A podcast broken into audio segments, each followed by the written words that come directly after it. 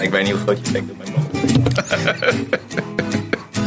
Die ballen, de ballen van Batavia, dat zijn echt gigantisch. Wat? Ja, serieus. Zijn hier in een heel vreemde podcast terechtgekomen. Ben je al aan het opnemen?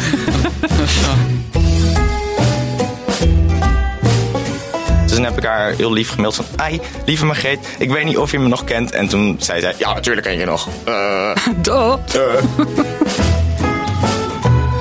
Er is iemand die, eh, die dat eh, wel eh, wil doen, in ieder geval. Distributie, dat zal voor een groot deel naar uh, Pinseel gaan in eh, Leuven.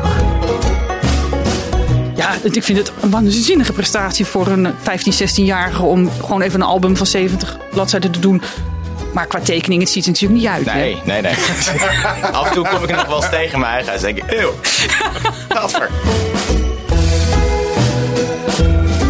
Welkom bij een nieuwe aflevering van eh, de Stripjournaal podcast. We gaan het weer lekker een uurtje over strips hebben. Eh, vorige week waren we er ook al, we zijn er nu lekker weer. Eh, mijn naam is Robin Vink en ik doe dat in deze podcast natuurlijk niet alleen. Bijvoorbeeld, jij hebt geen lampjes, hè? Nee, geen maar hij lampje. doet het wel. Nee, voor mij helemaal niet. Er zit geen lampje op je microfoon, maar hij doet, het, hij doet het wel. Laat ik heel even kijken in de opname. Zeg nog eens wat. Hallo. Ja, luid en duidelijk hoor. Nee, dat gaat helemaal goed komen. Eh, ja, je hoort hem al. Seb van der Kade aan mijn rechterzijde. Ehm, en aan de andere kant eh, zit eh, de stripmoeder van Nederland, Margrethe Heer. Ja, inderdaad. Dat hoorden we niet. Hallo. Ja. Ehm, En dan ook nog eh, heel zachtjes naast mij de, de, de stripvader des vaderlands. Ja, dat is Jiri. Hallo. ja, die, Ja, dat is wel een mooie Sinterklaas. ik, eh, ik, hallo. ik weet niet of er nog meer gaat komen dan dit. Of misschien dat hij zich daartoe beperkt. Maar we gaan het eh, vanzelf horen.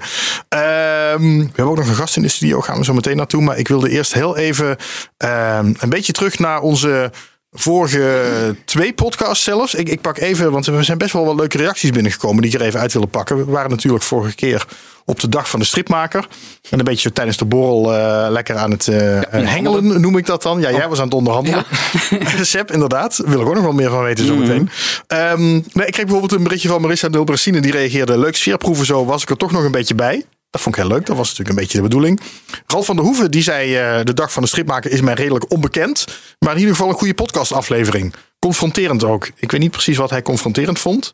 Maar dat het hem nog onbekend was, toen dacht ik, oh, dan, dan hebben we nog wat, is er nog wat promotie te doen voor de dag van de stripmaker. Ja. Daar hebben we met de podcast misschien wel een steentje aan bijgedragen.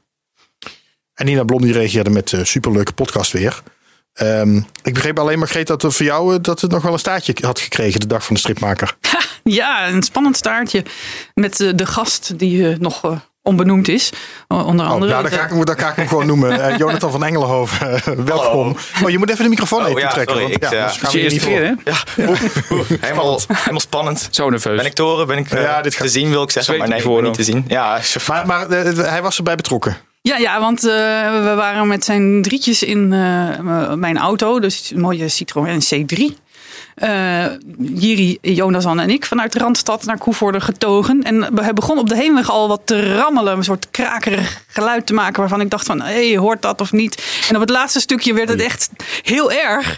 En ik had ik zoiets van, nou ja, we zijn er. Eh, hopelijk gaat het gewoon vanzelf voorbij. Maar dat was dus, toen we weg wilden rijden, was het erger dan ooit. En toen dacht ik van, ik ga zo niet rijden. Dus ik ben gestopt voor het huis van Herman, de stripmaker des Vaderlands. Waar ik eh, niet mee Oh, je zat binnen nog in. Koevoorde? Zat echt, ja, dat was v- 15 meter van de parkeerplaats. Oh, ja, we hebben nog bij hem aangebeld, maar eh, Ja, hij was er nog niet. Ja, iedereen was gezellig aan het eten. Maar, eh, en eh, toen hebben we de wegen, heb ik maar de wegenwacht gebeld. We hebben anderhalf uur moeten wachten. oh. Ja, in een diep dal in de auto. Dat was echt de all is lost moment. Maar toen kwam er zo'n ontzettend leuke wegenmachtman eh, opdagen. Dat was eh, Robert Bos. En die bleek namelijk de vlogger te zijn voor de ANWB YouTube kanaal. En Ah. een ontzettend leuke gast. En die was eh, helemaal onder de indruk van... oh, jullie zijn stripmakers en wat leuk. En die had meteen al bij de auto zoiets van... ah ja, dat geluid kan geen kwaad. Dat is een, hoe noemde die dat ook alweer? Een... Producteigenschap, materiaaleigenschap, zoiets was het. Margreet kijkt nu hier aan en ik zie hier echt helemaal op te slaan. Nou ja, het, het, het was, Auto's eh, en ik. Dat. de auto had net een grote beurt gehad, dus was er een, een aansluitingje, dat, krak- dat kraakte wat, maar er kon verder geen kwaad. Dus die man die liep alles na en die zei van, nou, dat is top gedaan. En eh, Ja, toen hebben we striptips eh, uitgeruild. Dan hebben we reclame gemaakt voor al, al onze strips. En we hebben twee dagen daarna, de, dag daarna hebben we cartoontjes getekend, Jiri en ik. En Ja, een- die zag ik langskomen op Facebook, ja. ja, en een fake eh, nieuwsartikeltje ervan gemaakt. En dat, dat werd weer leuk opgepakt door Robert Bos. Dus ik zit nu te wachten tot ik vaste tekenaar voor de ANWB mag worden. Ja, heel goed. Oh, dat zou je heel goed kunnen, denk ik trouwens. Dat is een goed stel, eh, oh goed ja, stel auto, voor de ANWB. tekenen. Wow. Daar zit je dan ook in. Wat zei je hier? Oh ja, en zijn broer, hij heeft een broer. Die is striptekenaar, Edwin Bos. Oh, oké. Oh, wat grappig. En, Ja. maar zit je dan nu ook op YouTube in de vlog van de ANWB? Nee, dat, helaas dat weer niet. Want het, was eh, te donker om te filmen. En bovendien hadden we niet een interessant genoeg eh, probleem. Oké, maar goed. nou, Nou, het was voor jou wel interessant genoeg om er inderdaad een tekening over te maken. En Jiri heeft een tekening gemaakt. Dus die zal ik er even bij zetten op stripjournaal.com. Kun je dat ook even terugzien. Ehm, ja, en dan de dag van de stripmaker inderdaad. Sip, eh, eh, jij was deeltjes aan het sluiten. Is er nog veel uitgekomen? Nou, we zijn nog bezig ermee. Maar, de, maar op de dag zelf, ja, de crème de la crème eh, loopt daar rond natuurlijk. Dus dan kan je als... eh, je slag slaan. precies. Maar daarom mocht jij er eigenlijk niet zijn. Nee, maar ik, ik had mijn pet stripjournalist had ik op. Ja, heel hè? goed. Eh, maar oké, ik heb wel even, eventjes, eventjes de pet van stripuitgever opgezet. Nou ja, d- d- wat ik al zei, er, er, er zitten, daar lopen heel veel en zitten heel veel leuke tekenaars bij. En dus ik kon het niet nalaten. Tim Arts had bijvoorbeeld een briljante cover gemaakt voor eh, een Donald Duck Pocket, Mickey Pocket. Dat is geniaal. 22 uur eh, werk had hij daarin gestopt. Maar dat is het leuke. Je, je ziet iedereen daar rondlopen. Ja, het is een bijna een soort. eh, als, je, als je meer uitgevers uitnodigt, Margreet, dan is het gewoon een meet and greet. Ja, maar dan wordt het een heel ander soort evenement. Totaal anders. Ja, Ja. dan is het niet meer, niet meer Nee, gezellig dan is voor het ons niet meer de dag van de Nee, het was wel heel gezellig. Ja. Ja. Ehm, ik, zit even, nou, ik wil nog even een paar reacties pakken eh, op de podcast daar weer voor. Die we nog met eh, Kees de Boer hadden. ja. Ehm, eh, wat had ik ook een paar reacties op gekregen. Vond ik wel heel leuk. Wat een fijn en positief interview, zegt Otto. Ik wist niet van het bestaan van een crossover boek. Eh, van lees- en stripboek, hè, waar we het toen over hebben gehad. Superleuk. Ehm, en Peter, Peter Uiterboger, die natuurlijk de prijs had gewonnen, die zegt wederom een leuke podcast. Wel rustig zonder Sep, want daar was jij niet bij. Sep. Ja. ja. Dus ja. Ja, nou, nou, de- nou, dat is maar Wordt gewaardeerd, word ik. Ehm, ik weet niet of dit positief of Nee, negatief is. eh, Ja. ik hou hem ook in het midden. Eh, bedankt voor spijt en dat ik weer in de prijzen val. Want hij, hij zegt, ik wist het nog niet en ik hoorde opeens mijn naam. En even later kwam de post, postbode met het boek. Perfect getimed. Dus dat was leuk. En Meerten Welleman, die zei nog wat een geweldige podcast. Laat die de boer maar lekker kletsen, dan komt het wel goed. Ehm, ja, dat is zeker zo. Eh, d- Meert d- Welleman, moet je er nou even toelichten? Meerten Welleman, van het, eh, de voorzitter van het stripschap, zeg ik Oh, ja. daar gewoon bij. Ja. Ehm, die trouwens zich ook heeft aangemeld bij Petje Af. Ja, Ja, ja, ja. die wil gewoon die hele collectie van Erik Heuvel eh, scoren. Dat weet ik niet of hij het daarvoor doet. Want daar heeft, nou, gaan we het zo meteen over hebben. Daar heeft hij zich volgens mij nog niet voor aangemeld. Maar wel voor petje af, omdat hij gewoon de podcast ondersteunt. Daar ben ik heel blij mee. Eh, nog een paar mensen trouwens erbij. Nou, dat ga ik straks even noemen. Ehm Anders gaat alles weer door elkaar lopen. Hè? Ja. je merkt dat ik een beetje structuur probeer vast te houden. Maar het lukt niet helemaal. want ik wilde naar Jonathan. Want Jonathan is hier te gast. Ehm, en, Jonathan. Jonathan. Jonathan van Engelenhoven. En dat niet. is eigenlijk een beetje omdat... Nee, maar Margreet zei vorige keer op de dag van de stripmakers... spraken we elkaar heel kort. En toen zei Margreet... Ja, dat Jonathan, dat is mijn stripzoon. En toen dacht ik, eh, hè, wat, wat, wat is dat eigenlijk? Ik was meteen geïntrigeerd. Hoe werkt Ja, dat? ja lang, lang verhaal, maar eh, wij kennen elkaar al heel lang. Ik heb bijna langer dan de helft van mijn leven, moet je je voorstellen. Ja, Dat ik in de auto het berekenen. ja. Je bent nu 24 en ik denk rond je 12 dat het... Ja. Ja. Ja, ja, ja. Dus eh, nee, het, ehm, ik, ik kwam al bij haar toen jij nog de Daily Danger eh, eh, deed. De Ja. Daily Danger? De Daily Daily, Danger. Is dat? Website voor aanstormend striptalent, was dat de slagzin? Ja. Ja, toch? Ja. En ehm, eh, ik zag daar, dat wil zeggen, mijn moeder, mijn moeder zag daar eh, een soort van reclame voor in de Kids Week, was het notabene. Oh. Daar waren wij op geabonneerd. Misschien was het de Seven Days. Ja, daar waren we ook op geabonneerd op een gegeven Ja, moment. zal Nou, de uitgeven. ja, daarom. Ja. Dus, ehm, en ik, ja, ik teken al mijn hele leven strips. En ik wil dat eigenlijk al mijn hele leven ook eh, doen. eh, voor de rest van mijn leven eigenlijk. Ja. Maar ehm, ja, ik ben, ik ben niet zo zelfverzekerde jongen. Dus ehm, mijn moeder zei van, ja, stuur gewoon een stripje op. Gewoon doen. Ik- weet je, dat eh, kan alleen maar positief uitpakken voor je. En ik zei van, ja, nee, ja, nee, ja, weet ik niet. Ja, nee. En toen op een gegeven moment heeft ze me voor de computer gezet. Zei, stuur! En toen zei ik, oh, oké. Dus toen heb ik wat opgestuurd. En toen kreeg ik inderdaad hele positieve reacties terug van onder andere Margreet. En eh, ja, dat, dat ging zo door. Ik stuurde steeds meer stripjes. En op een gegeven moment, toen ik eh, op de middelbare school zat... moet- dan moet je je profielwerkstuk maken. Ja. En het, het doel van zo'n profielwerkstuk is dat het iets te maken heeft met wat je wil gaan doen later. Dus ik dacht, ik maak gewoon een stripboek. Maar dan heb je een, eh, een tweede lezer nodig. Ja, die inderdaad, ja. Oh, Margreet heeft hem hier strip gestript. Strip gestript. Ja, mooi. Ehm, 70 pagina's. 70? A- A4 nou, ik rond het af naar boven. Oh, oké. Dan, het is eh, Ik schrok al. 68. 68. ehm, ja, dat was, dat was een... eh, Ook al. ik, zei- ja, ik dacht al van... Twee, twee eh, clandestine pagina's erbij gekomen. Ehm, je hebt twee lezers nodig. Dus dan dacht ik van, ah, dan moet ik eigenlijk een, een, een stripmaker hebben die dat wil doen. En dan dacht ik, oh, ik ken, ik ken wel een Margreet de Heer ergens. Dus dan heb ik haar heel lief gemaild van, ai, lieve Margreet, ik weet niet of je me nog kent. En toen zei zij, ja, natuurlijk ken je nog. Eh, Duh. en eh, ja, toen eh, hebben we zo afgesproken. Het klinkt een beetje alsof we op een date zijn gegaan eigenlijk. Maar eh, afgesproken en ja, dat klinkt wel lekker. Dat is ook een soort date, ja. eh, Eigenlijk wel. Dan, ik heb je de stad mee ingenomen. Ja. Naar eh, bijzondere plekken. En, Ja, eh, toen heb ik jou een, tekening laten zien. Toen zei je, oh, is wel aardig. Ja, is wel, is wel leuk. Maar ik las zelfs, Jonathan, dat jij eigenlijk een beetje gestopt was met tekenen. Omdat eh, dat ze op de middelbare school tegen je zeiden, het lijkt helemaal nergens op. Ja, ja dat klopt. Ehm, mijn tekendocent, eh, die ik niet bij naam zou noemen, want dat is een beetje treurig, maar eh, Waarom niet? Jan. Jan. En Simon, nee. Ehm, ja, die, eh, ja, die Twee, waren... twee tekenaars notabene. Twee, Ja, ja, ja. Twee, twee, twee leraren zeiden dat, eh, dat jouw werk eh, Ja, dus we... Ja, niet goed was. Nee. Ze zaten van, ja, dit is een beetje kindertekeningen. Zeg ja, En hoe oud was je toen? eh, ik was tien toen ik naar de middelbare school ging. Wat een klootzakker van. En zaten we, ja, dat is niet best. En toen, eh, toen ik in de bovenbouw zat, toen heb ik ook tekenen gekozen als eindexamenvak. En het puntje kwam een paaltje en toen heb ik het weer laten vallen als eindexamenvak. Omdat ik zat van, ja, hier wil ik niet zijn. Ehm, maar ja, die, eh, die waren niet zo eh, enthousiast erover. Vertel ook even hoe je bent afgewezen op Artes. Test in Zwolle. Ja, ja, ik, eh, ik deed daar. eh, ik heb daar vooropleiding gedaan. Eh, want ja, ik, ik had toch een beetje die mindset van als ik klaar ben met de middelbare school, moet ik vervolgopleiding doen. Dus ik dacht van nou, iets met striptekenen. En dacht ik, oh, Artis heeft eh, comic design, geloof ik heet het. Ja. Toen de tijd, ik weet niet of het nog Ja, steeds zo heet. Ik dacht ja, ga ik dat doen. Vooropleiding gedaan, eh, toelatingsexamen gedaan. En toen werd tegen mij gezegd van ja, je bent te jong. Want ik was op dat moment was ik 16. ehm, maar ik, ja, ik ben ietsje sneller door school gegaan. Dus ik was wel gewoon. Ik had bijna mijn VWO gehaald in dat, eh, op dat moment. Dus ik, normaal gesproken zou ik 18 zijn geweest. Maar het staat van ja, je bent gewoon te jong. Ga maar op wereldreis of zo. En toen dacht ik, Dat komt me bekend voor. ja, ja hè? Voor mij eh, stond het in een stripje. Ja. Ja, ik heb het toch ergens zo een beetje Ja. ingestopt. Want ja, ik ben daar uiteindelijk niet boos over. Want ik denk dat het voor mij. dit- ik, ik heb niks tegen kunstacademies, laat ik dat even zeggen. Je slaat wat over. Want toen het jaar daarop had je zoiets van... Nou, nou ben ik oud genoeg. Artes, here I come. Nee, nee, nee, nee. Toch? nee, nee. Oh, heb ik dat helemaal Ik ben, verkeerd in mijn eh, hoofd? Nee, ik had jou gewoon gemaild van. En Artes, die heeft mij afgewezen. En buh, buh, buh, buh, buh. En jij zat van. Ja, dat kan gebeuren. eh. en eh, Fijn zo'n moeder. ja, mijn echte moeder, die zat van, ja, moet toch, een, moet toch een, iets anders zijn. En toen hebben we over de grens gekeken. En in België was er inderdaad een, een opleiding eh, op eh, een school die heet Sintra. Eh, en daar werd ik in eerste instantie ook afgewezen. Dat, dat klopt. Want die zaten van, ja, 16.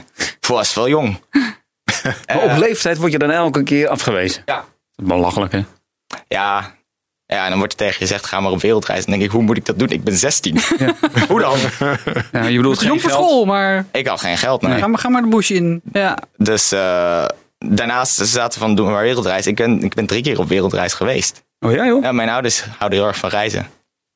Dus eh, mijn- ja, Ik ben drie keer op wereldreis geweest. zo heel blasé, zo even, even de mouw schudden. Ja, oké. ik heb de wereld wel gezien, mensen. Ja, inderdaad. Dan ben je 16. Oh.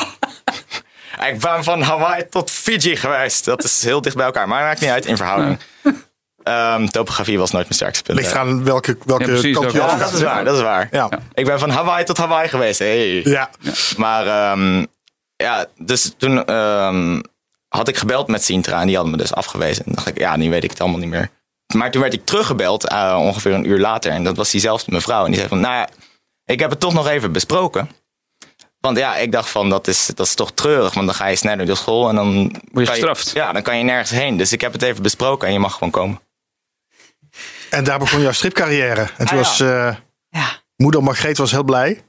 Want dat zat ik me af te vragen. Dat, dat fascineerde mij dus van hoe, wat is dan de rol van Margreet daarin? Als soort van stripmoeder. Hoe, hoe gaat dat dan? Nou ja, het- Want, je bent, want Ja, je zegt dat Jonathan is mijn stripzoon, maar ik heb je dat over meer mensen volgens mij wel eens horen zeggen. Jij, jij, jij, had- jij probeert wel meer. Toch? Maar ja, jij, jij, jij bent wel iemand die, die jong talent eruit probeert te pikken en wel echt begeleidt. Ja, nou, dat begon eh 20 jaar geleden, 2002. Toen richtte ik mijn eh uitgeverijtje Comics Productions op. Speciaal ook met het idee om eh, boekjes uit te geven van het werk van jonge kinderen die eh, bijvoorbeeld bij de NK striptekenen gewonnen hadden. Dat begon met eh, het werk van eh, Pim Stijnman. En eh, vanaf dat moment ben ik echt heb ik elk jaar meerdere boekjes uit- uitgegeven. Maar dat werd op een gegeven moment te gek, want ik zat veel met allemaal doos met boekjes thuis. en eh, toen- dacht ik van ik, stop met het papieren uitgeven. Ik ga door online. Nou ja, dat ging ook omdat dat twee jongens die al meededen, die hadden dat eh, gestart. Eh, dus toen werd het dailydanger.nl en eh, daar, daar kwam Jonathan bij. En eh, ja, ik, ik zat laatst eens te kijken. Er zaten wel 30 kinderen bij. Met, sommige heb ik dan inderdaad wel ontmoet en meegenomen naar beurzen. En andere heb ik alleen maar online ontmoet. Maar en Mede Jong heb ik dus ook uitgegeven in, in die en Wouter Goudzwaard en Emma Ringelberg. En die- al die, die toen tieners waren, die wisten hun weg naar mij te vinden. En dat noem ik natuurlijk allemaal mijn stripkindjes. Ja, maar je bent gewoon Jonathan on- is heel speciaal. Ja, maar je bent gewoon de ontdekker van Amelie Jong. Nou ja, het, het, eh, het- werd me ook getipt door ehm, Henk Schouten van Stripster. Die zei, want daar had ze ook al dingen aangeleverd. En die zei, dan moet je ze op, letten. En ik weet niet meer of ik haar toen heb benaderd of zij mij. Maar eh, ja, die was ook nog 16. En maakte fantastisch werk. Nou, Jonathan die, die durfde gewoon eh, naar Amsterdam te komen. eh, om, eh, Dat is heel wat, ja. ja, en, en dan heb ik een, eigenlijk een vaste route die ik dan. eh, dan gaan we eerst naar stripwinkel Lambiek. En dan. Rosse buurt. Ja. Ik dacht van, Kijk, jongen, daar moet je zijn later. Ja. En naar eh, het Sieraad, naar de, de stripstudio eh, met eh Alois Oosterwijk en Ben Westervoort, Floris Oudshoorn. Daar hebben we mee geluncht. Dan, eh, Ja, dat is waar, ja. ja, dus dan kon je je werk laten zien aan echte striptekenaars. En eh, nou ja, zo. eh, en toen kwam hij weer eens een keer terug. En toen op een gegeven moment eh, Zat hij er iedere week. Ja. ging hij niet meer weg. Ging hij weg. Ja, weet het, nee, dat werd- waar- waarom werden we hecht? Ja, gewoon omdat we gewoon eh, contact bleven houden. En je hebt toch ook een ontzettend leuk gezin. Want je noemde je moeder al. Je hebt, je hebt een ontzettend leuke echte Oh, moeder. ja, iedereen krijgt de groeten van mijn moeder trouwens. Dat was ja, ja. Iedereen, ieder alle luisteraars ook. Ja. Misschien moeten we daar een rubriekje van maken. Gewoon een groete rubriekje in deze podcast. Ja. Ehm, maar en, en hoe, hoe vind jij Margreet dan als, als moeder, als stripmoeder, eh, Jonathan? Nou, heel fijn. En dat zeg ik niet omdat ze erbij zit. Maar eh, ja, als ik er dan ergens mee zit. En daar zit ik nog wel eens regelmatig mee. Dan denk ik, eh ah, Margreet, die heeft vast wel een oplossing. Of kan minimaal zitten van, ach, het is niet zo erg. Dan denk ik, ah, het is vast niet zo erg. Dus nee, en als ik, als ik iets leuks heb gemaakt, dan stuur ik dat naar Margreet. En zeg ik, kijk Margreet, ik heb wat leuks gemaakt. En dan zegt ze, nou jongen, goed gedaan. En dan, eh, dan ga ik weer door met mijn leven. Oké. gewoon- Ik voelde me ook echt wel heel betrokken bij Jonathan. Omdat hij eh, eh, ja, zo jong al door, door soort VWO gekomen was. En toen jij zoekende was naar van wat moet ik nou gaan doen. Heb ik nog een hele lange mail aan je moeder geschreven op een gegeven Ah, ja. moment. Eh, maar eigenlijk kwam het erop neer van ja, volgens mij moet die jongen gewoon naar de universiteit. En dan gaat hij een bak, net, net wat, wat ik gedaan heb. Ik heb ook geen tekenopleiding gehad. Maar dan heb je bagage. En dan weet je waar je over kan gaan tekenen. Want dat teken, tekenen zelf, dat komt wel goed. Want jij bent altijd aan het tekenen. Dus, dus je bent gewoon stripmaker. Eh, en toen heeft je moeder terecht terug gemaild van... eh, ja, je hebt helemaal gelijk. Maar jij gaat uit van hoe het twintig jaar geleden was eh, in de, op de universiteit. En dat is al lang niet meer zo. En, eh, en de jongen gaat helemaal daar ten onder aan hoe het systeem daar nu is. En dat weet zij weer omdat jouw vader Ja, ook die, daar in die wereld zit. Ja, dus de, eigenlijk dat- dat je naar België kon, was het uitkomst. Zeker weten, ja. En daar heb je ook echt heel veel. Je bent, je bent zo gegroeid. Want ja, ik, eh, dat ziet de luisteraar natuurlijk niet. Maar ik heb hier strip gestript in mijn hand. Dat is jouw profielwerkstuk. En dat, eh, ja, ik vind het een waanzinnige prestatie voor een 15, 16-jarige. Om gewoon even een album van 70 bladzijden te doen.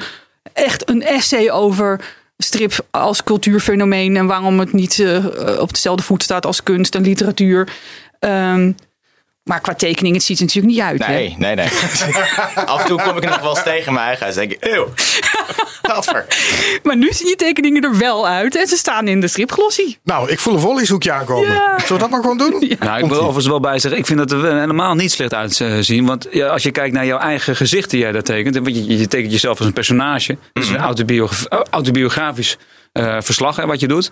En je herkent je wel. Ja, dat is waar. Eh, alleen eh, die humor, ik had het er met Jiri nog over, dat plastic fantastic, dat je een soort, bijna een soort elastisch gezicht van jezelf hebt gemaakt. Ja, dat is wat nu in de striplossie staat, is echt geniaal. Dat is zo leuk om naar te kijken. Maar dat is het met, met kinderstrips. Je moet er doorheen kunnen kijken. Je moet kunnen zien van wat kan deze persoon. Wat, wat, eh, qua, zowel qua eh, tekeningen, maar ook qua verhaal vertellen. En ik zag bij Jonathan gewoon van hij heeft, hij heeft het acteren. Hij, hij, eh, heeft, hij kan een, een, een figuurtje gewoon van hokje tot hokje herkenbaar neerzetten. Dat komt wel goed. Ja. Hij moet gewoon alleen nog die 10.000 uur maken van... Ja. En consistent, hij was toen al ja, consistent. toen het consistent. Ja. Nou, komt het voorleeshoekje. Hoor, Margreet leest voor. Ga lekker zitten. Hier komt een boekje in het voorleeshoekje. Take it away. Take it away. Ik lees voor uit eh, de strip van Jonathan van Engelenhoven, die tegenover mij zit. Eh, en die eh, in de komende stripglossie gepubliceerd gaat worden. Dus dit is echt kersvers werk, mensen. En als je goed luistert, dan hoef je dus straks die, die glossie helemaal niet meer te kopen. Dat is handig. Je kan gewoon je bij voorstellen. Wat, wat, Perfecte promotie die wat- Margreet. Vergeet de glossie. Luister alleen nog maar naar het voorleeshoekje. Nou, ik begin maar, want het spreekt allemaal heel erg voor zichzelf. Nee, wacht even. Ik doe nog even een intro. Je staat in de stripglossie omdat je de strip battle hebt gewonnen vorig jaar van Ah, ja. aan de stripglossie. En da- daardoor mag je ja, in principe maar een jaar, hè, maar jij loopt al uit tot anderhalf jaar. Eh, Nou, bij hoeveelheid werkt niet, hè?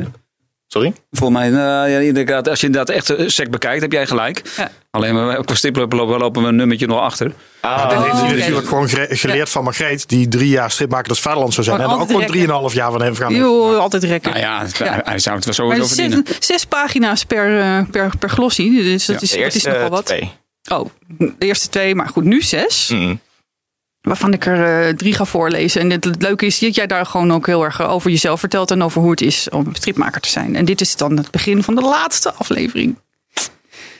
Oh, hey, hallo, ik zag je niet. Kan je geloven dat het meer dan een jaar terug is dat ik de stripbattle won? Dat is alweer de, dit is alweer de laatste hersenspinsels. Het heet hersenspinsels. Wat vliegt de tijd, niet waar? Ik weet nog goed hoe ik me voelde toen ik hoorde dat ik had gewonnen. Je hebt gewonnen. Yay. Oh, in mijn herinnering was het een stuk impactvoller. In ieder geval, in deze laatste strip wil ik reflecteren op wat struikelpuntjes waar ik dit jaar tegenaan ben gelopen en mijn toekomstplannen. Ik wil dit een rustige, directere strip maken, dus ik ga minder borders gebruiken en in het algemeen wat relaxter te werk. Dus minder van wauw, wauw, boom, kapauw. Maar gewoon lekker chill, lekker zen, lekker alleen wat rustige gradients op de achtergrond. En dit doe ik helemaal niet omdat ik achtergronden tekenen vervelend vind. Of omdat achtergronden tekenen nu te veel tijd gaat kosten omdat ik te laat ben begonnen aan het tekenen van deze strip. Wat me meteen brengt op het eerste struikelpuntje. Mijn planning zuigt. Jonathan laat zijn agenda zien. Maandag, deadline vergeten. Dinsdag werken aan andere projecten. Woensdag het idee hebben dat ik wat vergeet. Donderdag deadline herinneren. Vrijdag realiseren dat ik nog niks gedaan heb aan de deadline. Zaterdag paniek en mezelf in slaap huilen. Zondag deadline. Ik heb het hier eerder over gehad, maar het is echt ernstig. Dit is ongeveer hoe het elke keer ongeveer is gegaan. Aan de telefoon. Hey Seb, beste makker, beste goos. Wanneer wil je uiterlijk mijn pagina's hebben? Nou, uiterlijk volgende week. Je bent namelijk erg laat. "V- Volgende week? Eh, jep, komt goed, makkie. Zucht. Ik heb nog niet eens een halve pagina af. Plaatje Jonathan huilend onder de douche. Het is niet alsof ik niets doe, maar plannen is gewoon niet mijn sterkste kant. Zeker niet als ik moet werken aan meerdere projecten tegelijkertijd. Maar van de vijf glossy strips die ik heb gemaakt, was er slechts één ruim op tijd ingeleverd. Drie exact op de deadline en deze ga ik te laat moeten inleveren. En ik haat dat dat het geval is. Dus ik ga er actief aan werken om dit probleem in de toekomst niet meer te hebben. En ik moet dat kunnen, want ik ben een volwassen man, verdorie. En nu is het tijd voor mijn middagdutje. Dus als iemand me nodig heeft, ben ik onder mijn dekentje met mijn melkies en Mr. Snuggles. Over slapen gesproken. Dat is mijn volgende leerpuntje. Vaak slaap ik liever minder dan dat ik deadline mis. Dat ik mijn deadline mis. Nu heb ik niet veel slaap nodig, maar laten we het verschil in beeld brengen. Dit is hoeveel een gemiddeld persoon slaapt per week. En dit is hoeveel ik slaap per week wanneer ik een deadline moet halen. Eén keer heb ik zelfs in twee weken maar ongeveer 40 uur geslapen. Tijdens die twee weken was ik ergens ongeveer 50 uur achter elkaar wakker. Dit is iets waar ik actief mee bezig ben. Dus het is eigenlijk een hele stap dat ik de deadline van deze strip niet toch probeer te halen. Ook al voelt het niet goed. Hmm, ik hoop niet dat mijn huisarts deze strip leest. Huisarts komt aanrennen. Wat heb ik je gezegd over genoeg slaap krijgen? Zo lang wakker blijven is super slecht voor je lichaam. Rantebiel, idioot, halve sol. Oh, sorry, sorry, sorry. En nu is het tijd voor een potje kwartet. Heb jij van problemen die Jonathan kreeg door te weinig slaap? Eh, algemene, algemene vermoeidheid. Deze is vrij logisch. Het was zo erg dat ik op een gegeven moment dwars door meerdere wekkers sliep. Ook viel ik soms bijna achter het stuur in slaap. Door die twee weken heb ik tot de dag van vandaag mijn slaapritme niet 100% op orde. Hartkrampen. Deze spreekt voor zich. Hallucinaties. Ergens midden in die twee weken zag ik op een gegeven moment steeds dingen die er niet waren. Ik, ik was er bijvoorbeeld van overtuigd dat mijn muur vol met insecten zat. Paranoia. Aan het eind van de twee weken was ik overtuigd dat er iemand in mijn huis zat die me aan het bespieden was. Ik durfde op een gegeven moment niet meer met mijn rug naar de deur te zitten. Ik was in een constante staat van angst. Kwartet! Ja, het is ook echt heel, heel leuk dynamisch getekend van me op zich zo hier van. Ja, dat, dat, dat, afgang. wil ik zeggen, dat elastisch, hè? dat gaat echt alle Ja, kanten op. Ja, ja, ja. Maar is dat nou echt gebeurd? eh ja, ja, of zit je nou te overdrijven? Mm, nee. Nee. Dan Normaal ook nog. afgesproken ja, is alles een beetje overtrokken natuurlijk. Maar nee, dit... eh, Die beestjes op de muur. Ja, ja, ja. Ik, het was wel toevallig alles weer op dezelfde dag hoor. Dat wel. Maar ik, eh, ik, was, ik teken aan een stabureau. Want eh, ik had op een gegeven moment last van mijn rug. Ik, ik koop een stabureau. En toen ging ik naar de Ikea. Toen waren ze 500 euro. Toen heb ik er zelf eentje gebouwd. Of eigenlijk heeft mijn moeder er eentje gebouwd. En ik stond naast. Doe eventjes het, het hoekje afsluiten voordat Jonathan... eh, Oh ja, ja, Ja. laten we even netjes Even afsluiten. laten- Ja, even naar mijn zenmuziekje Dan krijg luisteren. je hartkrampen. Ja. Dat was het weer. Tot de volgende keer bij het voorleeshoekje van Margreet de Heer. Nou, je mag weer, Jonathan. Ja, wacht even. Voor, dit is waarom mijn moeder hartje zo hard gaat kloppen voor iemand als Jonathan. Omdat ik gewoon zie van, van je bent zo verknocht aan dat stripvak. En dat herken ik heel erg. Maar je gaat er zo kapot aan. En dat herkennen wij ook. Ja, je stripvader, Jiri, herkent dat ook heel erg. En daarom praten we graag heel, heel eh, ouderlijk op je in. Van jongen, eh, eh, zorg toch goed voor jezelf. Let op en, jezelf, en neem ja. een leuke vriendin. Dat helpt ook. Maar is dit eh, gelijk een oproep ook dan, of niet? Ja, ja. Hoe, schrijf je zelf, Jonathan? Asiel of... eh, Ja, Jonathan, je krijgt, nu, je krijgt nu een minuutje de tijd om jezelf te verkopen. Nou, eh, dames. Luister eens even heel goed naar mij. Ehm, ik heb een heel mooi huis. Ik slaap onder een snoepiedeken.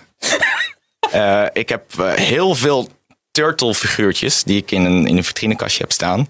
Daar kunnen we samen, er zit een lampje in, dus daar kunnen we samen vanuit mijn bed dan naar kijken zo. En dan kan ik zitten van, dat is Rafael, dat is Michelangelo, dat is Leonardo, dat is Donatello. Wil je nou mijn stok zien? Of, eh? Maar misschien moet jouw moeder, je, je echte moeder, maar een meisje voor je zoeken.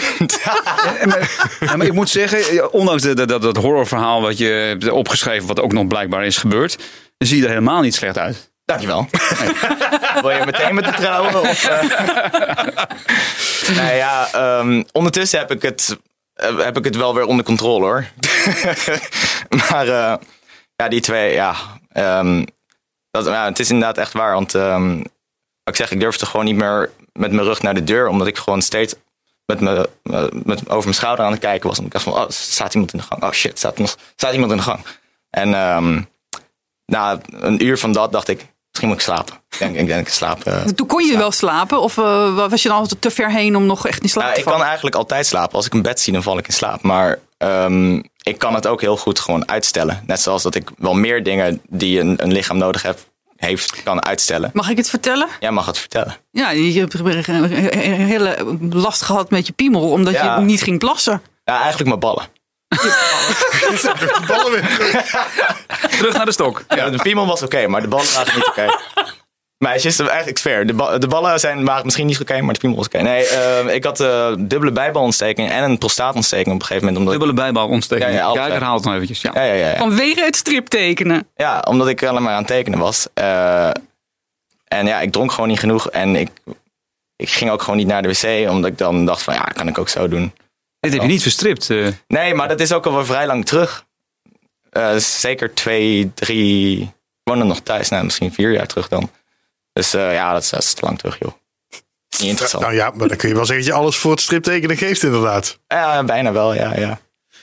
Ja. ik moet even nadenken hoe, hoe we hier nu weer verder moeten. Dus Hoe hiermee verder moet. Ehm, Nee, nou ja, eh, ehm, nou, maar daar heb je natuurlijk je stripmoeder voor. Om dan, Die kan nu af en toe even zeggen, jongen, ga even naar de wc. ja, de belt ze me op midden Ja, in de nacht. ben je al naar Ben je de de Heel geweest? Slaap je wel? Lijkt mij heel goed. Dat is geen grap. Maar wat is, jouw, wat is jouw, eh, jouw toekomstbeeld, Jonathan? Waar, waar wil je naartoe? Want je hebt nu je eerste stappen gezet. Hè? Jullie Hmm. Strip in de striplossie en zo. En uh, Margreet heeft je onder de vleugels genomen. Nou, eh, kijk hoe het met de Jong geëindigd is. Wat, eh, ik wil niet te druk verhogen. Maar wat is, eh, wat is jouw toekomstbeeld?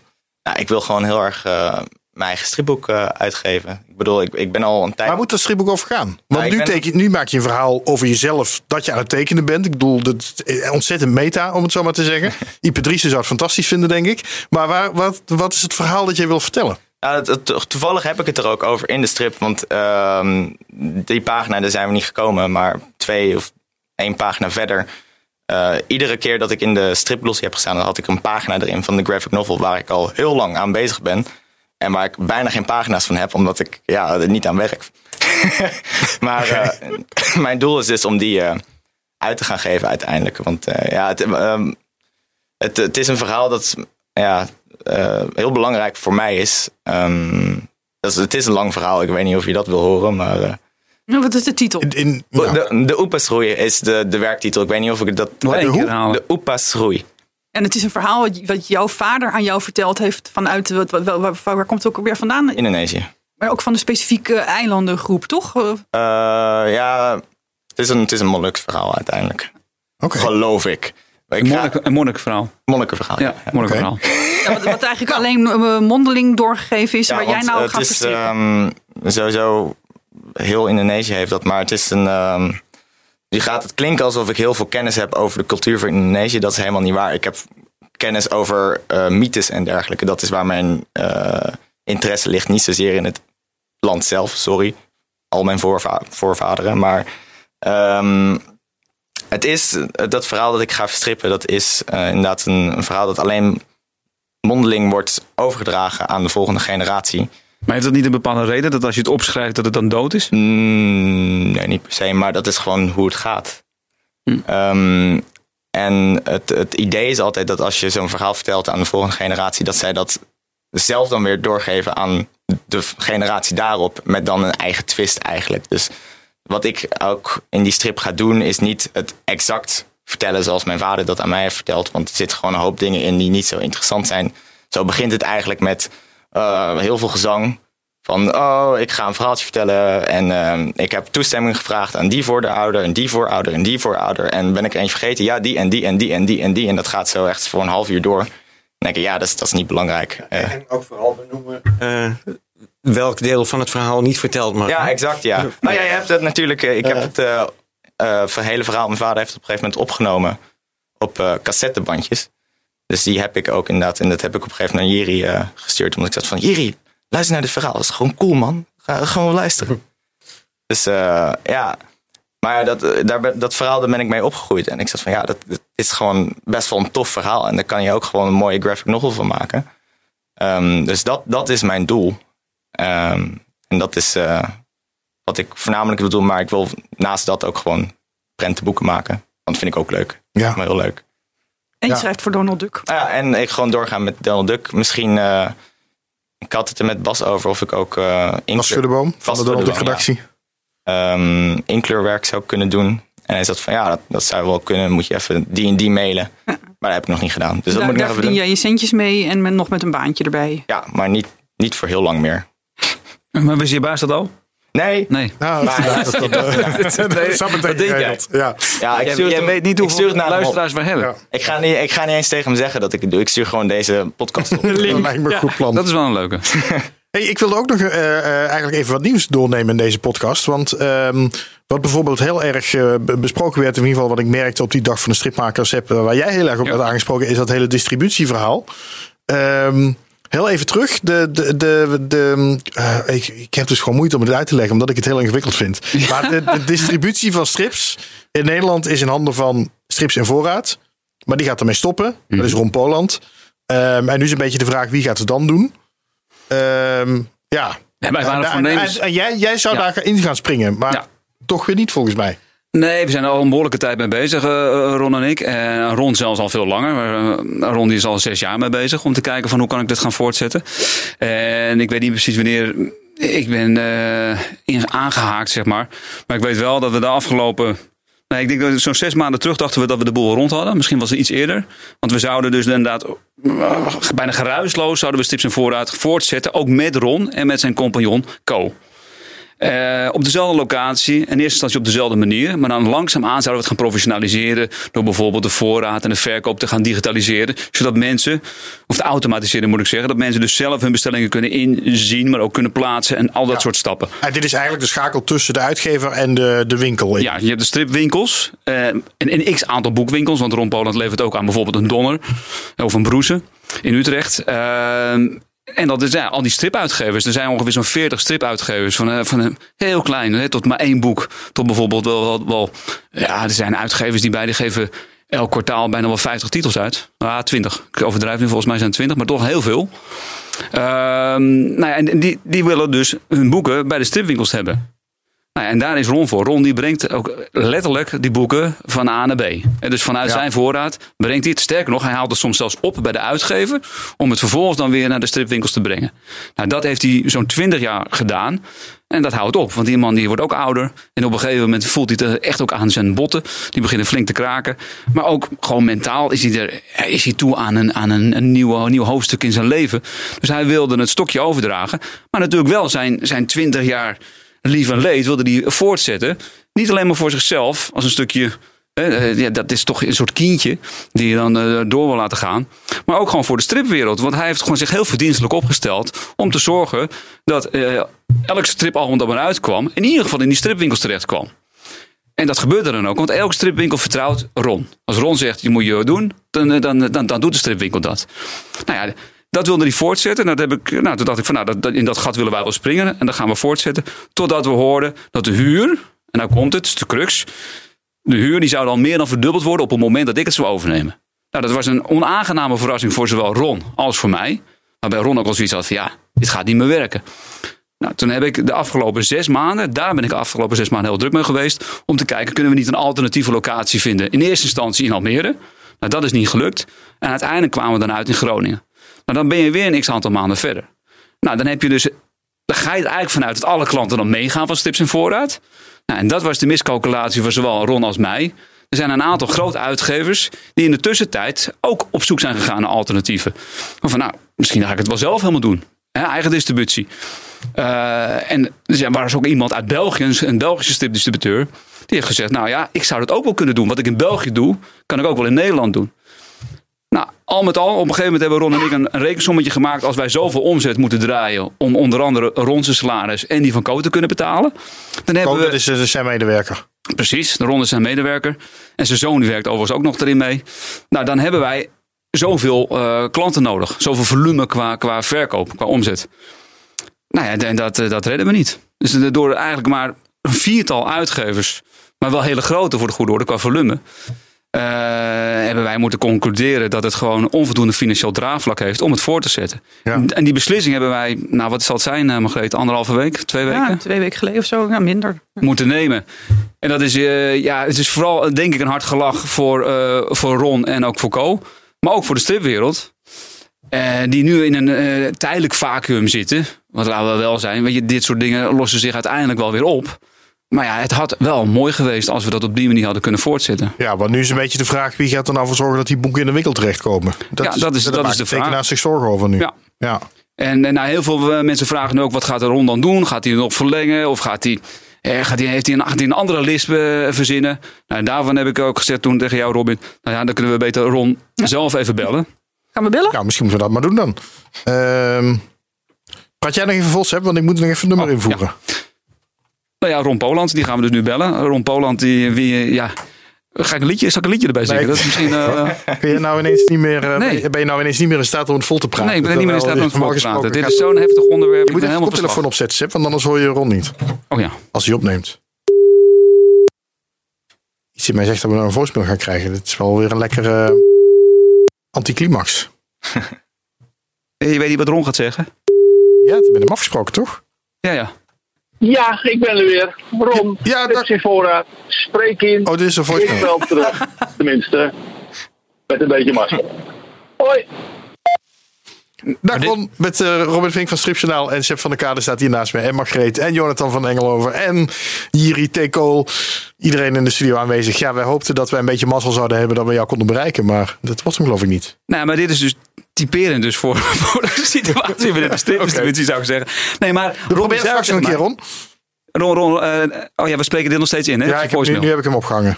Ja, nee, maar waar het om gaat is, hij heeft tegen mij gezegd, eh, probeer me te bellen. En dan, eh, dan kan ik inderdaad ook mijn kant van het verhaal geven. Maar hij zei van, het kan zo zijn dat ik nog bezig ben met een klant. Dus hoe laat is het nu? Half zes geweest. Ja, nou ja, en Ron is dus nu nog steeds bezig met een klant. En dat geeft ook eigenlijk wel aan hè, hoe belangrijk eh, Ron is in, binnen de stipdistributie. Die man die maakt ook hele lange dagen. Ja, en nogmaals, eh, die service die hij eh, bood, wat ik al aangaf, hij haalde echt daadwerkelijk ook de boeken bij de uitgeverijen op. Op een gegeven moment gaat ze dan ook zelf weer vervolgens verspreiden naar deze en gene. Ja, de afgelopen twintig jaar is de stripwereld verwend. En ik vrees wel dat op het moment dat wie dan ook dit gaat overnemen, die gaat het heel anders doen. En die, die, die ongelofelijke service vanuit Ron, ja, die zal denk ik wel minder worden. Ja, ja. Ehm, nou, we gaan misschien straks nog maar eens een keer kijken. De, tegen Ja, we van kijken deze hoe lang die of we hem doorwerkt nog, nog te pakken kunnen krijgen. Wordt heel later voor ons dan ook, ben ik bang. Ehm, Oké.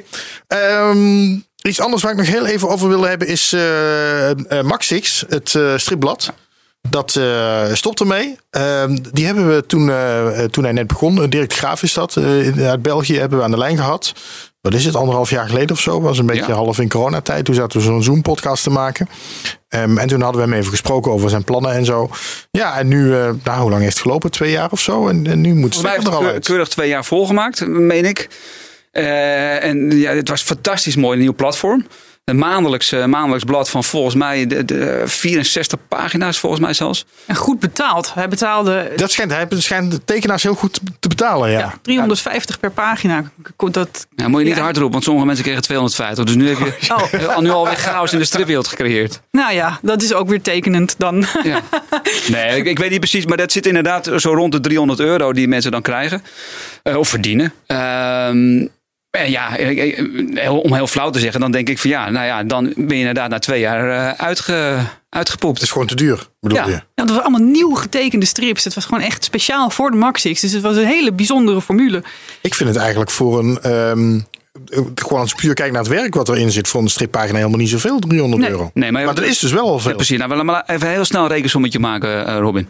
60 keer 300, dus 18.000. Nou, er zijn inderdaad een aantal 350 euro. Dus dan zit je al heel snel op 20.000 reductionele kosten. Ja, en volgens mij veel. een nummer van Maxix, ik doe het heel even uit mijn hoofd, maar om en erbij volgens mij 7 euro. Nou, als hij geluk heeft, houdt hij van die 7 euro.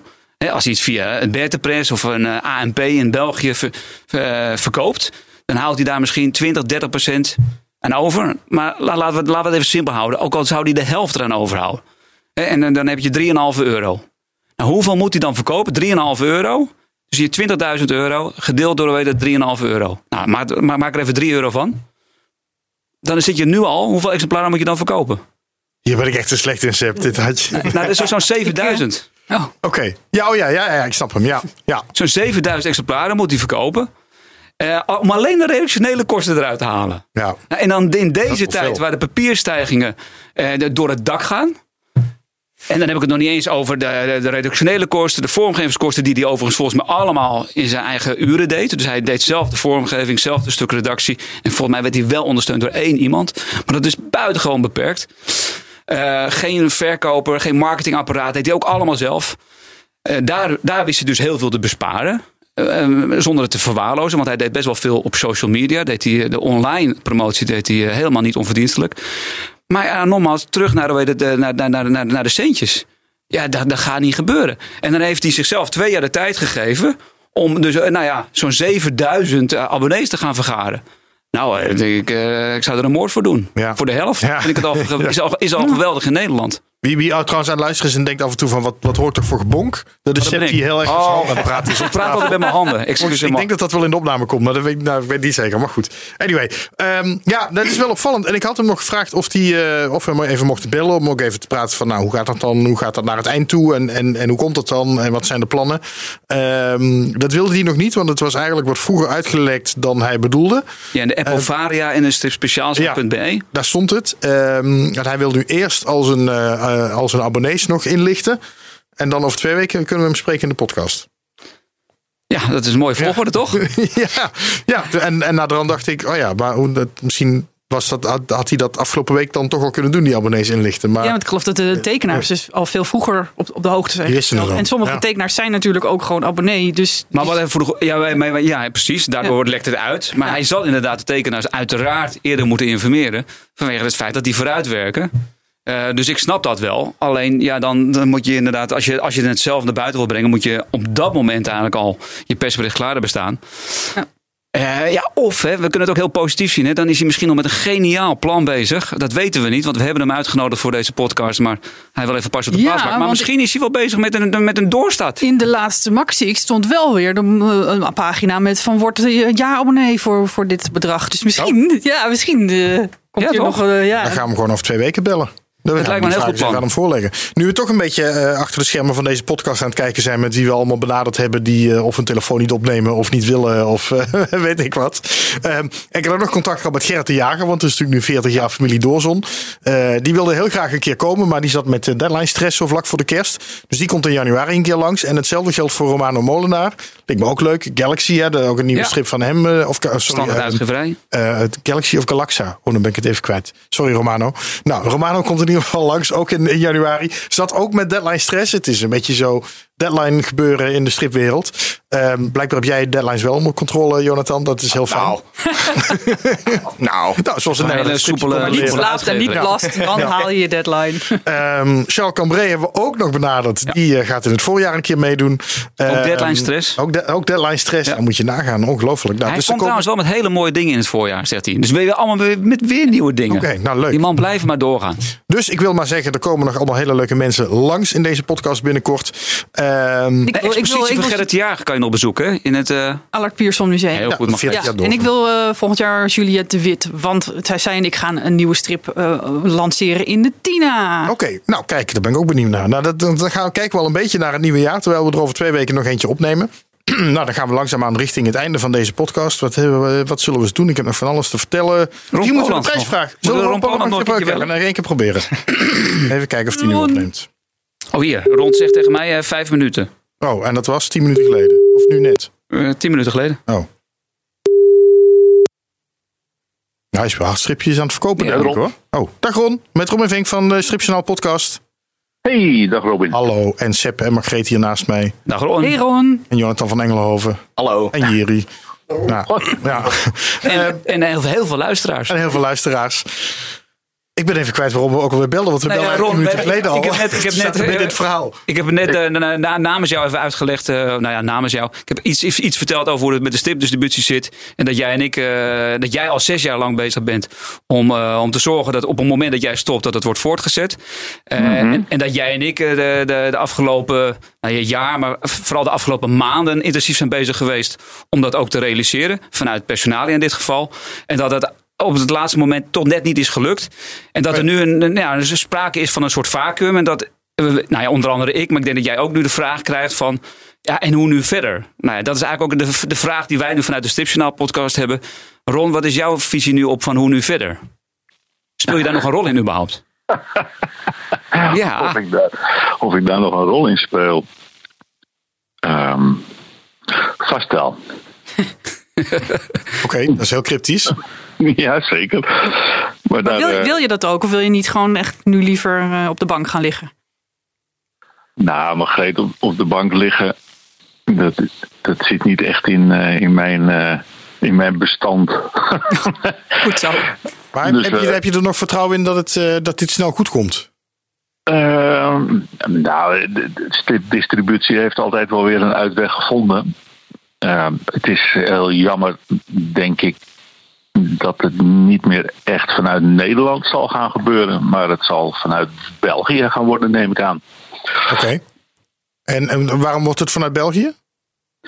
Eh, omdat er in eh, Nederland eh, niemand is zoals ik. Maar is er in België nu een partij die dit wil overnemen? Ja, dat, dat overnemen is altijd een, eh, is altijd een dingetje. Er is iemand die, eh, die dat eh, wel wil doen, in ieder geval. Distributie, eh, ja. Oké. En is al duidelijk wie dat is? Dat zal voor een eh, groot deel naar eh eh, Pinseel gaan in eh, Leuven. Oké. Bart Penseel, ja. Ja, zeker. Die dus nu eigenlijk al heel veel distributie doet hè? vanuit Nederlandse uitgaven in België. Dat doet Bart op dit moment, hè? Ja, Bart en ik zijn natuurlijk een beetje zakenpartners. Ik lever hem eh, heel veel vanuit eh, van de kleinere Nederlandse uitgevers en, eh, en vice versa. En ehm, ja, aangezien er verder niemand meer is hier, kan hij dat natuurlijk ook overnemen. Maar, hoe gaat dat dan praktisch in zijn werk? Dan, dan neem ik aan dat dus de, de boeken die eh, eh, in Nederland worden, nou, bijvoorbeeld van Scratch of zo, die gaan die dan eerst fysiek naar België en worden ze dan weer door Bart fysiek eh, naar Nederland gereden en door, daardoor over de 40 stripwinkels ver- verspreid? Nou, gereden, eh, dat zal door de post zijn. Oké, Maar dat zou bij, dat zou bij SEP ook zo zijn. Ja. Ja. dus Oké, dus, dus er gaat niemand meer die gewoon gezellig met zijn busje langskomt en dan even een bakje doet bij de stripwinkels. Zoals jij dat al, altijd gedaan hebt. Ja, nee, Ah. dat, is, eh, dat is een tijdperk. Nou, voorbij. ja. Ja. Maar is dat, is dat, ehm, is, is dat erg dat het naar België gaat? Of, of het, eh, zeg maar, levert dat praktische bezwaren op of zo? Of maakt het Voordelen? niet zoveel uit? Of voordelen? Het levert eh, het, het, het op zich levert het geen bezwaren eh, op, behalve dan dat, eh, dat er wel wat verschillen zijn in Nederland en België. Maar een een van de bezwaren zou kunnen zijn de doorlooptijd, eh Ron. Want jij bent natuurlijk altijd heel snel met je leveren. Zeker van de eerste, eerste uitgave. Ehm, het is natuurlijk nu al zo dat er fysiek boeken van eh, de diverse uitgeverijen, zoals eh, Scratch en Concerto en Sherpa en eh, nou ja, noem maar op die. En L, uitgever L. Die gaan al rechtstreeks naar Pinseel. Dus er moet misschien iets meer heen, omdat er dingen verkocht moeten worden in Nederland. Ja. Ehm, nou ja, en, en verder, ja, het, het, het hele versturen is natuurlijk een, ja, dat is een, een eh, dat is een secure eh, bezigheid. Dus daar moet je ook eh, op ingesteld zijn. Ja. En, en dat is, eh, ja, bij Pincel zijn ze daar natuurlijk ook wel op ingesteld. Maar gaan Snap je, dat, snap je dat er tekenaars zijn die zich een beetje zorgen maken nu? Of, of is dat onterecht? Eh, Ik denk dat het voor eh, tekenaars of, of eh, hele kleine uitgevers dat het veel lastiger wordt om, eh, om hun spullen eh, aan de man te brengen. Vrouw. persoon. Dat klinkt, Ja. dat klinkt nou niet zo best. Ja, Margreet zit erbij, dus het moet een beetje om mijn woorden passen. Maar dat klinkt eigenlijk niet zo best, Ron. Hè? Dat klinkt eigenlijk niet zo best. Als het gewoon moeilijker wordt. Eh, ja, ja, ja, ja. Maar er staat toch echt. eh, er staat iemand naast je daar. die had er iets aan kunnen doen, natuurlijk. En al die kleinere uitgevers. Maar ja. Die trekt zich ook maar zomaar weer terug. Nou ja, niet zomaar hè Ron. We hebben het rekensommetje gemaakt met z'n tweeën. En eh, onder andere Bart Percel is natuurlijk een van de partijen die natuurlijk dan ook eh, al eh, bewegingen maakte naar, eh, naar een alternatief. Dus de, eh, nee, het is een financiële kwestie en dat, en dat weet je. Eh, en wij wilden waarde toevoegen. Hè. Daar ben ik nog even heel erg benieuwd naar. een stukje promotie, eh, vertegenwoordiging. Gaat daar ook nog wat positiefs in gebeuren, Ron? In zoverre jij weet? Ehm, goh, dit is, een, eh, dit is een lastige vraag waar ik eigenlijk nog geen antwoord op kan geven. het is een beetje klip. Er zijn, eh, laten we het zo stellen, er zijn wat onderhandelingen gaande. Ja, dus mogelijk zou er inderdaad een stukje vertegenwoordiging ook in Nederland gaan eh, georganiseerd worden. Ja.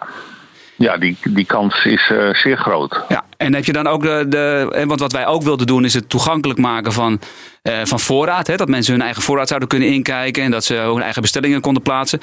Eh, ga- gaan die eh, ontwikkelingen ook nog door? Voor zover jij weet? Ehm, volgens mij zit dat wel in het systeem van zowel Pinceel als. Eh, waar, waar ik, wat ik denk is dat Delis en Indruk gewoon naar eh Distrimedia, oftewel Lano, Ja. België. En volgens mij hebben die ook zo'n eh, systeem. Maar Bart Penseel dan niet? En Bart volgens mij ook. Oké. En, wa- en wa- waarom wil ik het zeggen, Robin? Is dat, dat- Ron had dat tot op heden niet, hè, Ron?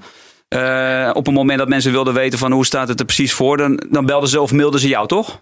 Ja, zeker. Ja. En bestellingen werden dan ook echt gewoon gemaild naar Ron. En Ja, ja. Ron verwerkte de bestellingen. Nou, dat is iets, daar kan je natuurlijk een eh, efficiëntieslag in maken. Mits je uiteraard de juiste systeem hebt. Ja. Maar dat zou er dus aan kunnen gaan komen met een Bart Penseel. En ook met de andere distributeur. Nou, interessant. Ja. Ik ben benieuwd hoe dit, eh, hoe dit verder gaat lopen, eh, heren. Eh, Ron Ja. en Seb. Dankjewel, Ron, voor nu. ja Heb je nog wat te gedaan. bezorgen nu of ben je klaar? Mag je nu naar huis? Ik, ik was, eh, ik, was, ik stapte net uit de auto vandaan en ik had, had nog een ander gesprek. Dus vandaar dat het even niet ging. Oh ja, oké. Nee, ik, heb tegen iedereen gezegd dat jij gewoon tot de 8 uur, 9 uur door, door blijft gaan met werken en alle stripwinkels in Nederland. Eh, nou, dan zijn ze al lang al dicht. Dus Ja, dat precies. zou je wel moeten weten. Maar, ja, maar, jij, ja, maar bij jou is het, gaat de deur altijd open, toch? Seb overdrijft altijd een beetje, ja, dat weten we allemaal. Dankjewel, Ron. Graag gedaan. Oké. Hoi. Hoi. Nou, ik ga nu echt eh, deze podcast eh, langzaamaan afsluiten, want ik begin bloedheet te krijgen in Ja, deze mag ik studio. nog even gauw het warm, hè? crowdfunding eh, nieuws eh vind ik nieuws? Nou, vooruit. Ja, omdat de mijne is echt net eh, nog, nog weer super, super geslaagd met 6000, eh, over de 6000 Oh, euro. Nou, wat goed. Die is afgesloten. En een andere stripmaker maakt er een, een, eh, een, een nieuwe. En die is net gestart. Phantom Parents. Memoir of an Adoptee door... eh, oh, waar staat zijn naam? Oh, sorry, sorry. David Enker. David Enker. En die is geloof ik pas gisteren of eergisteren begonnen. En die zit nu al op de 44 procent. Hij heeft 3.500 euro nodig. En dat wordt een heel mooi boek over zijn ervaringen als eh, geadopteerd kind. Oké. Nou, ik ga er een linkje bij zetten. Misschien volgend jaar eens een keer ook uitnodigen in de podcast. Ehm, we hebben nog een prijs weg te geven. Want we hebben nog een boek liggen van eh, Kees de Boer, Grapman. Deze mooie crossover tussen strip en, en, eh, en ja, gewoon boek eigenlijk, om het zo maar te zeggen. Ehm, nou, en Gesigneerd. gesigneerd. Met een door, tekeningetje eh, erbij? Met een tekeningetje erbij van Kees de Boer. Ik heb hier weer een mooi bekertje met namen. Jonathan, aan jou de eer om er daar eentje uit te halen. Oh, dit is feest. Even kijken hoor. Dat is Otto Tieleman. Otto Tieleman, Otto, gefeliciteerd. met, kan even eh, duren, deze want hij ligt nog eh, bij mij en eh, ik ben niet zo snel. Oké, je mag toch een set meegeven, dan gaat hij het versturen. Dat, Ja. dat komt ook goed. Oké, ehm, dat hebben we natuurlijk niet voorbereid, Jonathan. Maar hebben we van jou iets weg te geven eigenlijk? Oh, hmm, dat is een goede vraag. Heb je, iets heb je hier nog exemplaren van? Ja, daar heb ik nog wel. Oh, dan kunnen we deze weggeven. Radboud. Radboud. Oké, nou bij deze hebben we dat besloten, Dat is Jonathan. een mooi stripalbum van, van Jonathan. We moeten hem een beetje omschrijven, een beetje verkopen, Oh. mensen. Het ziet er heel erg leuk uit. Maar dit, is, eh, dit heb je gemaakt toen, hoe oud was je toen? 17, denk ik. Misschien zelfs nog 16. Het zijn strookjesstrips met eh, eh, een, een jongen in de hoofdrol die heet Radboud. Die lijkt op jou, maar het is ook eigenlijk een soort van je broer. Ja, het is, ehm, hij is vernoemd naar mijn overleden broer. Ja, Ja, maar deze, is, deze Radboud is springlevend en beleeft echt typische van Engelenhoven avonturen. ja, ja, ja, het is echt heel erg leuk. Maar dit exemplaar mag niet, want het is gesigneerd voor Margreet en Jiri. Dus Nee, eh, we heb komen wel even aan een Ja, andere. Ja, ja, ja. ja. Ook zelfs daar is de slapstick alweer zichtbaar, hè? het is heel... Ja. Is het niet leuk voor eh, de jump eh, of zo? Hey, Ja, mogen ja, jullie ja. straks even uit de podcast Ja, nou ja, gaan maar hij regelen, snapt jongens. Daar ga ik mijn Lekker even onderhandelen weer, ja. dingen. Ja, nou, nou is het wel een keer klaar. Eh, Jiri, of eh, eh, Jiri, Jonathan, dan hebben we alleen nog een. eh, Arme ik ben man. helemaal van slag. Dan hebben we alleen nog een codewoord nodig van jou. Want mensen kunnen dit, eh, deze mooie strip winnen via stripjournaal.com slash actie. Maar dan moeten ze wel een codewoord invu- invoeren. En dan mag jij nu beslissen wat dat codewoord wordt. Codewoord. Maar Geet zit heel erg te seinen. Oh. Eh, Naar je t-shirt. maar die, is- die is heel lastig, man. Daar staat een heel moeilijk Je hoeft woord hem niet op. weg te geven, je moet alleen maar, je hoeft alleen maar te zeggen. Oh, Nausicaa. Ja, is nou, leuk. Is het niet Nausicaa? Nee, nee, want het is, het is Japanse naam, dus ze kunnen het er niet uitspreken. Oh, Dus, nou ja, als de mensen maar wel duidelijk dan de, de, de dubbele puntjes op de laatste A neerzetten, dan Nee, stelt joh. het niet. Als is er wel maar heel iets staat. ingewikkeld, Bijna of een niet? Mark Verhagen dingetje. Eh, Is er geen ander leuk codewoord? Ik vind ingewikkeld. Eh, ja, dat- dat- ik vond het ook wel. Wat dacht je van banjo? Banjo. Banjo. Ik speel zelf banjo namelijk. Oké, nou dat vind ik leuker. Dit, dit is tenminste te snappen voor mensen. Stripjournaal.com slash actie, codewoord banjo. Voor een mooie strip van eh, Jonathan van Engelenhoven. Ehm, dan wil ik nog even de mensen bedanken die zich via Petje Af hebben gemeld. Want er zijn er een aantal bijgekomen. We hebben natuurlijk die mooie, dat mooie pakket met Erik Heuvel strips. Eh, tien keer January Jones gesigneerd door Erik Heuvel en Martin Lodewijk. Eh, nog een aantal strips van Erik Heuvel. Een paar mooie originele. Door luisteraar Jeroen van Strien gedoneerd. Dankjewel daarvoor. Ehm, die kun je winnen, dat hele mooie pakket. Dat gaan we in één keer weggeven in januari. Voor de mensen die lid worden van Petje Af. En daarmee de podcast ondersteunen. En dan vind je daar weer het codewoord dat je moet invullen. Als je lid wordt van Petje Af. Om kans te maken op die mooie Erik Ik snap er Heuvel helemaal niks prijs. van. Weet je wie de laatste, Seb, weet je wie de laatste donateur was in mijn, van mijn crowdfunding? Henriette van Engelenhoven. Hey. De moeder Oh, van Jonathan mooi, hoor. Nou is het helemaal rond. Ja, maar je gaat wel dwars door mijn verhaal heen, Margreet. Ja, nu snappen we het helemaal niet meer. is het helemaal niet meer te stappen. Anyway, als je de Stripjournaal podcast wil ondersteunen, word ik heel erg blij van. Dat hebben onder andere eh, Rob de Vries en Jeroen Ooms en Peter Uitenborgert hebben dat gedaan. Meerten Welleman was dus net binnen. Mathieu Dekker zijn er allemaal net bijgekomen. Ehm, eh, die, die betalen dan eh, bijvoorbeeld 1 euro per podcast. En dan denk je, ja, dat is niet zoveel. Dat is ook zo. Dus dat is fijn voor jou. en ik word er ook blij van, want als alle luisteraars 1 euro doneren, eh, dan kunnen we hier, eind. dan kunnen we hier een keer bitterballen serveren. Heerlijk. Dus daar word ik gewoon heel blij van. Ehm dus stripjournaal.com. Nee, sorry. Petjeaf.com slash stripjournaal. Ingewikkeld dit. Daar maak je me heel erg blij van. Zullen we er maar een eind aan maken dan? Dit is Ja. warm, hè? Aan de podcast. Nou echt. Ehm, over twee weken zijn we er weer. Dan gaan we een mooie eh, eh, eindejaarsaflevering maken. Ehm, Kijk er naar uit. en dan weten we dus ook al dat Gerrit Jager en Romano Molenaar en Charles Cambreder in de nieuwe jaar aankomen. Nou, dat is Leuk, leuk, leuk, leuk. Dankjewel. Mooi. Doei. Mooi.